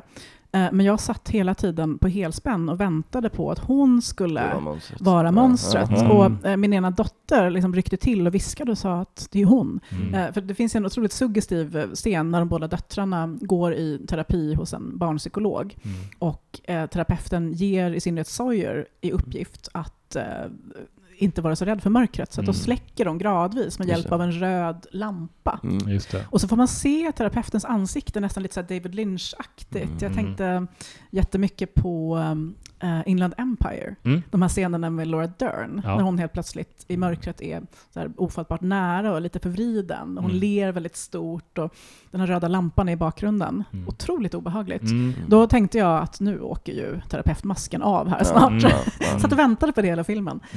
Så det var också en bra scen, Ja, ja. tycker jag. Det finns ju verkligen. väldigt mycket scener som är effektiva. Mm. Och jag skulle säga, du pratade om manus, jag håller helt med om det, att Mm. manuset känns inte helgjutet. Och jag undrar ifall det är för att de är tre personer som har skrivit det. Kanske. Det, också, Mm. det känns väldigt så här minsta gemensamma nämnare, Mm. typ att vi har liksom alla ska kunna relatera till det här, alla ska känna igen sig. Just det var en klassisk high school-skildring, Mm. klassisk skildring av en, en familj i sorg. Och jag, jag, jag vet inte, jag, jag, som sagt jag tycker att skådisarna drar ett väldigt stort lass. Mm. Mm. Och då blir det Eh. mellanmjölk till sist. Men också den här, jag vet inte, det, det finns ju en twist i slutet, Vi- visst är vi inne på spoiler-territorium? Ja. Mm. Mm. det är vi. Men det, när, när, eh, för de pratar ju inte om att mamman ska vara närvarande. Mm. Och hon har sett något YouTube-klipp om att eh, eh, eh, spöke kan manifesteras genom att om man håller upp en låga av något slag, till exempel en tändare, så eh, kan lågan vända sig åt vänster, Mm. Mm. eller vrida sig åt vänster. Och hon uppmanas åt sin mamma då att göra det vid ett tillfälle och då händer ingenting. Men sen då i slutet så, ja, nu ryser jag faktiskt på riktigt, Ja. Mm. så, så, så, så funkar det och mamman är Mm. närvarande och hjälper Mm. dem att besegra monstret. Och det upplevde jag så här, fan vad, fan vad lökigt egentligen, men det, Men det funkar, funkar. för att det är Sophie Thatcher Ja. är duktig också liksom. Exakt. Eh, Jag fick också gåshud nu. Alltså ja, det det, det ja. var fint ändå. Mm. Alltså grejen är att vissa grejer kan ju vara lökiga och överanvända, men det Mm. funkar ändå. Ja, jo, och det det är tycker jag är så. en sån sak. Men jag, jag får också, en- alltså, jag kom på mig själv att så här, göra en sån yes, fuck yeah, när hon börjar liksom grilla monstret Mm. i slutet med hårsprayen och eh, Mm. den här. Just det. Det kändes källaren. bara, ja men du ska bara, alltså när de äntligen får slå Mm. tillbaka Mm. på något sätt, och det är Det är så fint då. Det är primitivt. härligt. Men det är också att vi alltid hejar på människan på något sätt. Mm. Alltså, vi- man, hejar, man vill alltid att människan som Ja. art ska segra. Alltså, alltså, vi är ändå patriotiska på det sättet. När Ja. människan till slut, det är ju samma sak i Predator, när Arnold typ Ja. plötsligt hittar sättet att besegra. Man Ja. bara yes, nu vinner vi. Eller den en, en, alltså lite, lite förbisedda Prey, har ni sett Mm, den? den har jag sett. också jättebra. Jättebra Mm. tycker jag. Gud vad den var Mm. bra. Mm. Ehm, nej men eh, ver- verkligen, alltså, Och sen tycker jag också det är mycket bättre, för jag, jag, jag blir irriterad när de plötsligt ska kunna skjuta det här varelsen med vapen, för då Ja. blir det liksom så här, de metafysiska världarna funkar liksom, man ska inte kunna döda ett, ett, ett väsen med vapen. Men eld är lite mer okej, för det är så Mm. som primitivt och primat, liksom, Mm. känns det, det, det, det funkar liksom i den, i den mytologin att okej, ni alla är rädda för elden. mm. Men ni ska inte kunna sådär shotgunna sönder typ Freddy Krueger eller. Det ska inte funka. Nej, lä lämna vapnen hemma Ja, liksom. ja det, men, det, det, det är liksom fel. ja, nej men eld är ju någonting djupt obehagligt i sig också. Mm. Ja, men det känns ju som, det här är ju, det, finns, det är nog den tredje filmen på ganska kort tid som jag sett där en seger gestaltas genom att man bränner ner sitt hem. Mm. Eh, ta till exempel första halloween, eh, det. re- den, en av de nyare. Mm. Det, den, är, den har några på nacken och det är okej. Mm. Det är också så här att äntligen fick film. vi honom liksom Mm. att eh, Mm. de, hon eldar upp sitt Mm. hem. Mm. Det gör de här också. Mm. Ja. Det, det är så jävla, men det, ni bor ju där. Alltså, ja. men det, är- det är något Det är sånt. också en nytändning, alltså no pun intended, att man Mm. liksom så här bränner ner och bygger upp. Men det är sånt ordentligt blir den offer. rensningen. Ja. Mm. Ja men precis, alla, alla mammans saker som, Mm. som de ändå har haft lite olika sätt att handskas med, Mm. allting försvinner. Ja. Och då fick jag lite panik, Mm. som mamma själv. Tänkte, Mm. Nej, inte Mm. klänningen, inte, Mm. hennes, inte hennes tavlor. Ja. Men det var ett väldigt snyggt sätt tycker jag när de eh, satte, eh, började sätta eld på, Mm. och i källaren så hänger ju den här eh, hennes klänning, den här gula, Mm. och den Mm. liksom fylls av luften för Mm. lågorna, liksom Mm. asyr, Mm. bla bla. Och då ser det ändå ut som att den fylls ut lite av en person. Exakt. Mm. Fast det bara är, men det, det är en Mm. sån snygg Ja men det är väldigt visuell snyggt. grej. Och också en grej som är med i Host faktiskt. Mm. Mm. Just det här med eh, tyg och kläder och filtar och sånt där som Mm. helt plötsligt tycks ha form i Mm. luften. Eh, nej men visuellt så tycker jag att det här är en jättesnygg film. Den funkar Mm. bättre visuellt än om man försöker eh, knacka ner manuset på Ja, jag, jag, jag gick ju härifrån och kände mer för regissören än manusförfattaren just Ja. nu. Även om jag tycker om A Quiet Place. Rob. Ja, ja, alltså det, det, det, det, Ja, men det, det är väldigt- mer regin än manuset som Mm. glänser. Ja, den är väldigt- Och skådespelarinsatsen. Mm. Men den är så kompetent genomförd Mm. och det tycker jag man saknar ganska ofta. Det är därför man ändå eh, det verkar som att vi ändå tycker att ni har varit helt okej. liksom. Mm. At Stabil least. trea Ja. skulle jag säga. Stark tvåa skulle jag säga. Mm. Mm. Mm. Nej men alltså för att det är så många skräckfilmer som inte lyckas hålla upp eh, alltså ens the bare minimum kompetensnivå. Ja, ja, man har sett mycket sämre. Och, ja, men så här, jag, jag ändå känner ändå att man har en regissör som man vill hålla Mm. lite koll på nu för att Mm. jag, jag kollar alltid när Shyamalan gör en Mm. film fortfarande. Ja, Mm. samma. Det är för han, Kommer aldrig ge upp på honom. Jag gav upp där för ungefär sju år sedan kanske någonstans. Nej men han har ju en sån kurva som går lite ner, ner, ner, ner, Ja. upp, lite ner, Mm. ner, ner, ner, upp. Mm. Alltså så man vet inte Ja. vilka, var han är på Nej men precis. skalan. Jag är lite peppad på hans senaste som jag faktiskt inte har sett. Den bygger ju på en roman av en av mina favoriter, Paul Tremblay. Mm. The Cabin at the End of the Woods. Ja, jag har ju läst faktiskt Paul Tremblay. Mm, Det var det vi- A Head Full of Ghosts? Nej, nu läser jag Disappearance at Devil's Rock. Just ja. Jag tycker den, har du läst den? Nej, just den har jag inte läst Nej men faktiskt. den, eller vi kan prata om det efter podden. Jag, tyckte, jag har sett den filmen för ett tag. Den, den tyckte jag var riktigt bra. Mm. Mm. Faktiskt. Mm. Ja, det var lite bråk där för Paul Tremblay var ute och twittrade om det för att eh, de inte hade hans eh, namn på posten. Det fanns Ah. ingenting som angav att han hade Han, skrivit de bytte bok. titel på filmen Mm. Ja. till Locket the Cabin. Mm.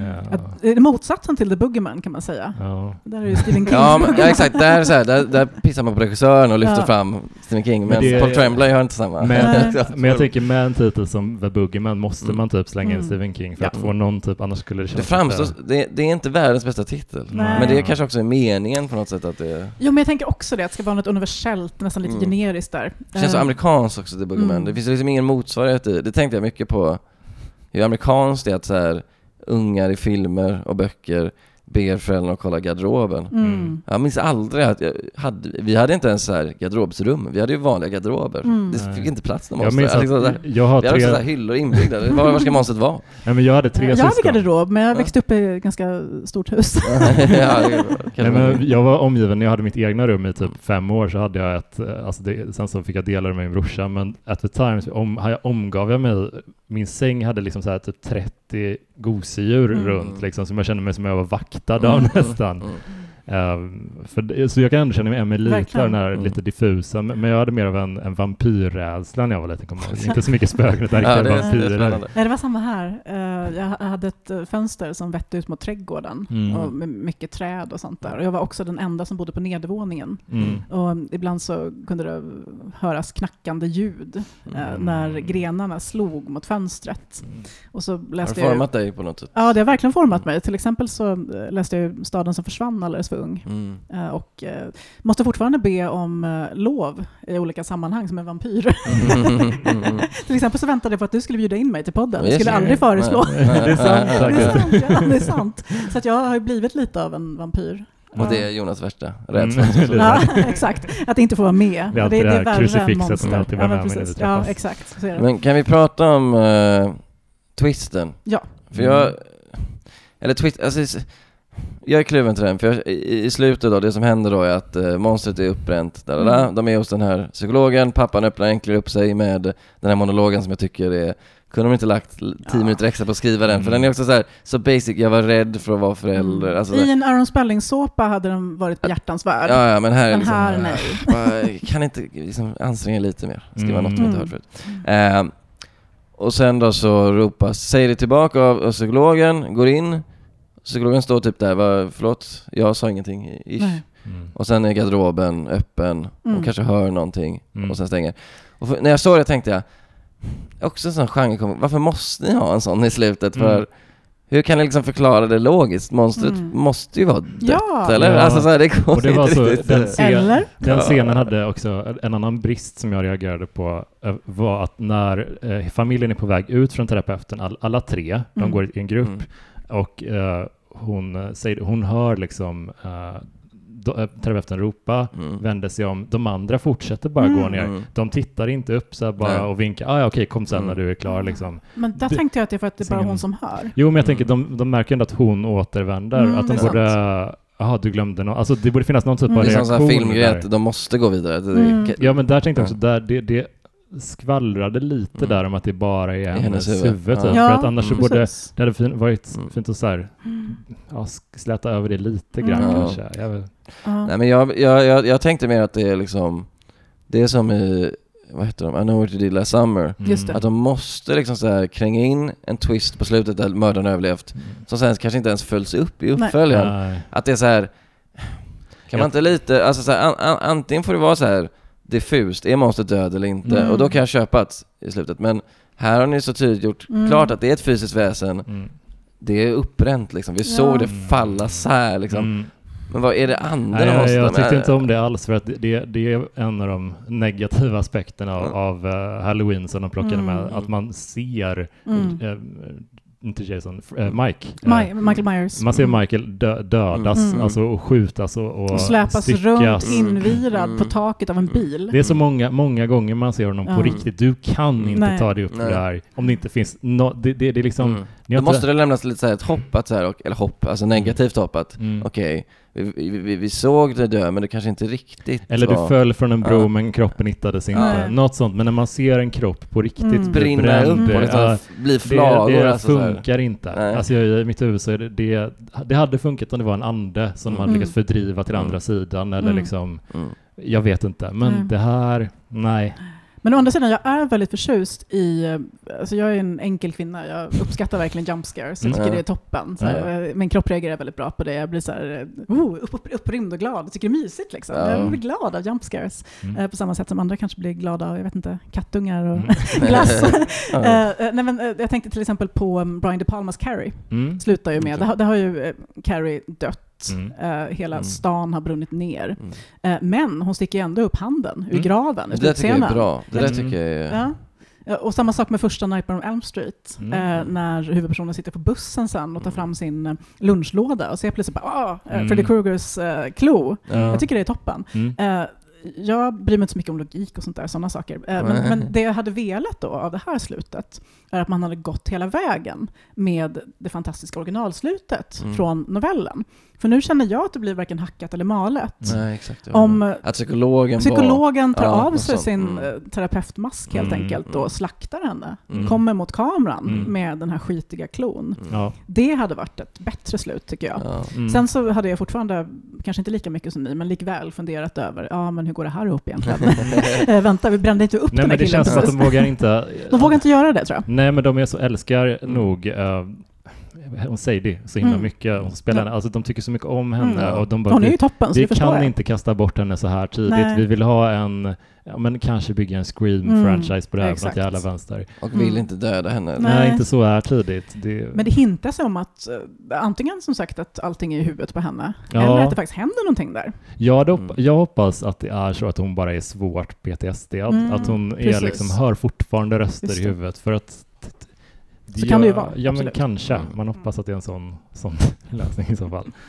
Ja, det känns mer som en sån här eftergift att okej, det här är en skräckfilm, vi måste ha med Mm. det, i- Mm. det i slutet liksom. Mm. Det, det är något som ingår i genre-receptet. Mm. Jag är ju väldigt förtjust i sådana twister. Jag skriver väldigt Ja. mycket skräck för barn. Mm. Ja. Lättläst skräck Mm. framförallt eh, för eh, barn som behöver lite kortare, enklare berättelser. Och då vet jag ju alltid, precis som jag tror Stephen King när han skrev The Boogeyman, vad twisten ska vara. Ja. När jag börjar, precis skriv- skrivit en som heter Dödlig dans, eh, som kommer nu i augusti, som utgår dels ifrån eh, TikTok, men också från den här Horga-låten, har ni hört den? Den här fruktansvärda gamla folksången om djävulen som bjuder upp till dans Mm, mm. och så kan man inte sluta dansa. ja, det känns Mm. bekant. Och där visste jag precis hur den skulle sluta. Jag såg liksom slutet Men framför där mig. tycker, jag- det, det tycker jag är en viktig skillnad där, för, och Mm. också med King-novellen, att du vet vad twisten ska vara, Mm, och den är liksom central till berättelsen. absolut. Mm. Här är det så här att twisten är inte central till berättelsen, utan känns mer liksom så här påklistrad. Mm. Mm. Det känns inte som att så här, det här är logiskt förankrat i resten av berättelsen. Det kändes lite, Eh. och med, det kan jag säga med lite kärlek det kändes lite kalla kårar. Ja. Goosebumps. eh. Eh, Och R.L. Stein. ja, jag läste väldigt många av dem när jag var liten. Jag köpte en, det finns en fantastisk deluxe-box som Mm. släpptes förra året med R.L. Steins kanske 20 kändaste. Say Cheese or Die till exempel, en stor metalllåda. Min ena dotter har precis börjat läsa på engelska Mm. och så jag älskar jag att läsa skräck på sommaren Mm. och då köpte jag den till henne och vi låg på, ute, utanför sommarstugan och läste de här tillsammans. Mm, Och de är ju toppen alltså. De är så... De är ju kanske inte de smartaste och mest Nej, cerebrala berättelserna. roliga. Men väldigt, väldigt roliga. Och där kan det också vara så att det kommer en twist helt Mm. out of left field. Mm. Alltså verkligen, kalla Ja. kårar. Absolut. Och jag tror att det är väl de referenserna man har jobbat med, lite med här. Mm. Det är Men lite hade gillat, men då hade gillat en twist, twist Mm. liksom out of left field som du säger. Men då hade Mm. gillat så här, att psykologen är monstret så här. Mm. Här är bara en dörr som är öppen, garderobsdörr som, alltså det blir så här, Det är som att det är bara för att typ. Mm. Jag vet Men inte. det känns ju som att skräckfilmer, alltså särskilt med eh, huvudsakligen lite okändare skådisar, de Mm. kostar inte asmycket att producera Nej. eller marknadsföra. Så att det krävs inte jättemycket för att den här ska gå plus. Nej. Eh, Nej. hoppas att den gör det ändå, Ja. för att det är alltid kul med mid-level Ja. skräckfilmer och sådär. Men Mm. kommer vi få se en Boogeyman 2? Tror ni det? Alltså jag vet inte, det vore kul kanske om man tar konceptet och vidareutvecklar det så att det nästan Mm. blir... Alltså, alltså jag kan ju tycka om när man tar Kings berättelser och gör någonting eget av det. Jag tycker Mm. till exempel att säsong två av Castle Rock är fantastisk. Ja, När man får träffa en ung Annie Wilkes. Mm. Just just det. Eh, Ja, så så den, kanske den att man gör- lyfter ju så Ja. mycket från Mm. ettan också. Ja men verkligen. Så kanske om man utgår från den här tanken som finns i It, Mm. att monstret på något sätt parasiterar sig på ens egna rädslor Mm. och eh, kan manifestera sig utifrån vad man själv är rädd för. Mm. Så att vi i nästa film får en ny Boogeyman. Mm. Och att den kanske utspelar sig i, jag vet inte, Derry till exempel. Mm. Så att Ja. det blir mer som en slags hyllning Ja. till världen. Och då kan man ju också släppa det här eh, som jag tycker faktiskt sänkte den här filmen lite Mm. grann. Och göra någonting lite nytt. Mm. För nu känns det som att det är så många inblandade och de är superduktiga allihopa. De Mm. är stora King-fans, de har gjort egna saker som har varit toppen. Mm. Men på något sätt så kan de inte komma överens riktigt Nej. om vad det är för berättelse Mm. Nej. de vill berätta. Mm. Eh, det är väl verkligen. min stora invändning mot den här filmen. Jag Mm. tyckte ändå den var rolig. Jag hade skitkul. Mm. Ja. Eh, sen så såg jag två bättre skräckfilmer samma vecka. Mm. Eh, men eh, det har inte med saken att göra. Jag ser ju mycket skräck. Liksom. Mm. Och Stephen King verkar tycka den är toppen. Han har ju Mm. twittrat mycket om den. Och, det- återigen, när jag lyssnade på det här Losers Club-avsnittet med Rob Savage så sa han att King fick en privat screening i Mm. Maine tillsammans med några, några ganska högt uppsatta på filmbolaget. Och eh, de satt och live-mässade med regissören, hans reaktioner. Så här, Åh, nu hoppade han högt, eh, Mm. nu, nu, nu app- applåderar han åt det där och så. Ja. Och direkt efteråt hade han tydligen skrivit ett jättelångt fint mejl till honom. Mm. Eh, just Rob, där han Mm. sa att, eh, vad han tyckte om och lyfte olika scener. Mm. Och nu så vill han tydligen regissera The Langoliers Mm. och har bett King om lov till och Mm. med, Mm. vad jag förstår. Det, Så det kan bli kul. längtar man ju ändå efter Mm, för att den eh, såg jag som, vi pratade lite om Mm. den förra avsnittet, alltså det är ju en, en miniserie som har ganska många kvaliteter faktiskt, men som är Mm. Verkligen. lite pissad på PGA 90-tals CGI. Mm. Men Det är ju det som sänker den. Faktiskt typ bara det skulle jag säga. I Mm. Ja, övrigt för det är en, alltså, en toppen idé. Ja, Alltså, jag älskar ju den novellen också, den borde vi prata om så småningom. ja lätt. lätt. Eh, Mm, så det kanske vi kan se Ja. fram emot snart. Ja. The Langoliers med eh, Rob Savage. Hoppas, Mm. hoppas. Eh, Men jag gillar också att det uppstår liksom, att han får liksom, med Flanagan och kanske den här, Mm. han Mm. får liksom en, en, en kader med regissörer mm. som han kanske bondar med och Mm. gillar och så kan. Återvända och... Mm. Mm. Och så Mick Garris som kanske inte är den mest begåvade, men ändå kanske den mest flitiga. Var han som gjorde... Han gjorde. Sleepwalkers. Ja. Ja. Och det är ju typ hans bästa King, så det Mm, säger ju en del. ja, Ja. Nej, men man hoppas att han får ett, ett, ett, eh, jag menar ett, en värdig filmatisering av Ja, Langolieren helt enkelt. Det hade varit jättebra. Ja, men jag, jag tycker den här var, det var kul att snacka om den här lite Mm. för att eh, jag, jag är ju ett fan av långa skräckfilmserier så att eh, av olika skäl, ibland bara för campen och ibland Mm. för att det, de är nice att kolla på så att, Mm. ja, jag hoppas det. Jag hoppas också någon, det. Någon typ av tvåa. Ja, men kanske man kan göra som med Scream också, att man, Mm. man förflyttar det till olika platser, Mm. tar in eh, lite nya karaktärer. Ja, Eh, by, byter ut Ja. eh, och kanske har att, ho, alltså, att någon karaktär kanske kommer tillbaka ibland Mm. eller i periferin eller bara är på ett, eh, ett eh, alltså Facetime-call. Ja men typ Sadie till exempel. Ja. Sadie skulle kunna Mm. bli uh, The Boogermans uh, Sidney Prescott. Mm. Eller hur? Mm, Det hade varit toppen. Och jag överger gärna det här konceptet att det måste vara liksom en kärnfamilj Mm, och eller ett hur? hus. Alltså kan man inte Mm. testa lite nya? Kan vi inte så här vara på en, jag vet inte, en, en, en skola eller en militärbas? Alltså, Ja, alltså, alltså, alltså, så det här, det här andra typer av liksom, sociala konstellationer också, så det är inte Mm. alltid den här familjen. Nej. Eh, jag Den saknar, heliga familjen. Ja. men saknar man inte, eh, i alla fall jag, saknar ju jättemycket ett, en riktigt bra summer camp eh, Ja. Ja, det var ju så ja. länge sedan. Ja, ta det, ta det istället. Ja, men ett, ett, ett, ett scoutläger, något Mm. skit spårar ut liksom. Ja. Jag har ett anteckningsblock med Camp Crystal Lake Ja. här. Ja. Nej men det, Ja. verkligen, det är ju en... Ska inte jag skriva en sån spökhistoria snart förresten? Gör Som utspelar sig på ett Gör sommarläger. det. Ja, gör det. Jag bestämmer nu att jag gör det. Det är helt underbart. Mm. Ja men fan vad kul. Men eh, det blev ett köttigt avsnitt Mm. idag. Mm. Kul! Jättekul. Eh, och kul att, att ha med er båda igen. Mm. Det, var, det var allt för länge sedan sist. Ja. Vi håller ju på att planera en kul grej. Verkligen. Eh, vi kan ju berätta Ska vi lite spoila det lite Vi nu kan spoila lite Ja. nu. Eh, vi har inte ett exakt datum än, Mm. men vi, eh, i eh, höst i alla fall, Mm. så kommer vi köra ett uh, liveavsnitt till Mm. Mm. med podden. Och det kommer vara, vi kommer snacka om It. Ja, Eh, äntligen. det ska bli så Mm. kul. Ja. Och jag och Jonas har aldrig läst ditt, eller hur? Nej. Nej, Det nej, är det Det är ju så sjukt. och jag har läst den så många gånger så att jag till och med vet så här, för vilka sidor saker händer och sånt. Ja, Så, eh, det kommer ja. bli väldigt intressant Mm. tror jag, att diskutera. Det är intressant att ha en, en, både en, en filmatiseringar och en, Mm. en roman som har färgat kulturen Mm, så hårt ja. och som man har hört så Ja. mycket om Mm. att faktiskt sätta sig med Mm. den på riktigt. Det är ju, ser jag jättemycket fram emot. ska Sen fick ju vi eh, slutsidan spoiler av Helena som väldigt ingående berättade om den här märkliga, Nej. som vi lär återkomma till. Inte riktigt slutscenen, men Nej, eh, nej, ja, ja. någonstans där. Mm. Men då tycker jag också faktiskt borde göra så att vi eh, har en del där vi diskuterar boken Mm. utifrån olika teman och så. Och sen också kanske att vi diskuterar miniserien Mm. från Ja, fast jag hade heller aldrig 1990. sett. Den borde jag se. Med Tim Curry va? Ja, med Tim Curry, mm, precis. Mm. Och eh, gulliga, gulliga Jonathan Brandis från eh, Neverending Story som Mm. eh, tragiskt nog tog livet av sig sen som ung Seth vuxen. Green med? Seth Green är med också. Mhm. Mm, det är många bra skådespelare. Ja. Eh, Jag tycker ju bättre om den faktiskt än Ja. eh, de eh, nyare. Mm. It. Ja, ja. En sjukt kul grej med den också är att um, han som spelade Cigarette Smoking Man i X-Files Mhm. gör en pytteliten roll som Jaha, sur ja. lärare i matsalen.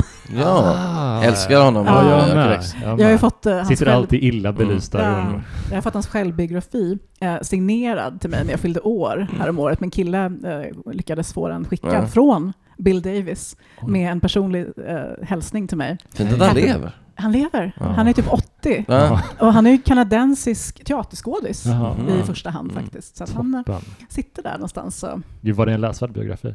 Den var läsvärd, absolut. Mm, Ehm, väldigt kul tycker Mm. jag. Jag samlar ju lite på X-Files paraphernalia. Mm. Kul. Så att, ja, kul. Ja, nej, men det, det ser vi jättemycket fram emot. Mm. Och vi kan väl börja synka kalendrarna snart. Mm. Det tycker jag. Mm. Men låt oss. Men håll utkik i eh, Facebookgruppen Yes. Stephen King-podden Eftersnack. Eh, där droppar vi alla deets Mm. så fort vi vet. Tack för att ni har lyssnat. Tack för att ni har gästat. Ja, men, Tack tack för att vi- själv. Jättekul. Ja, absolut. Hej då! Hej då. Hej.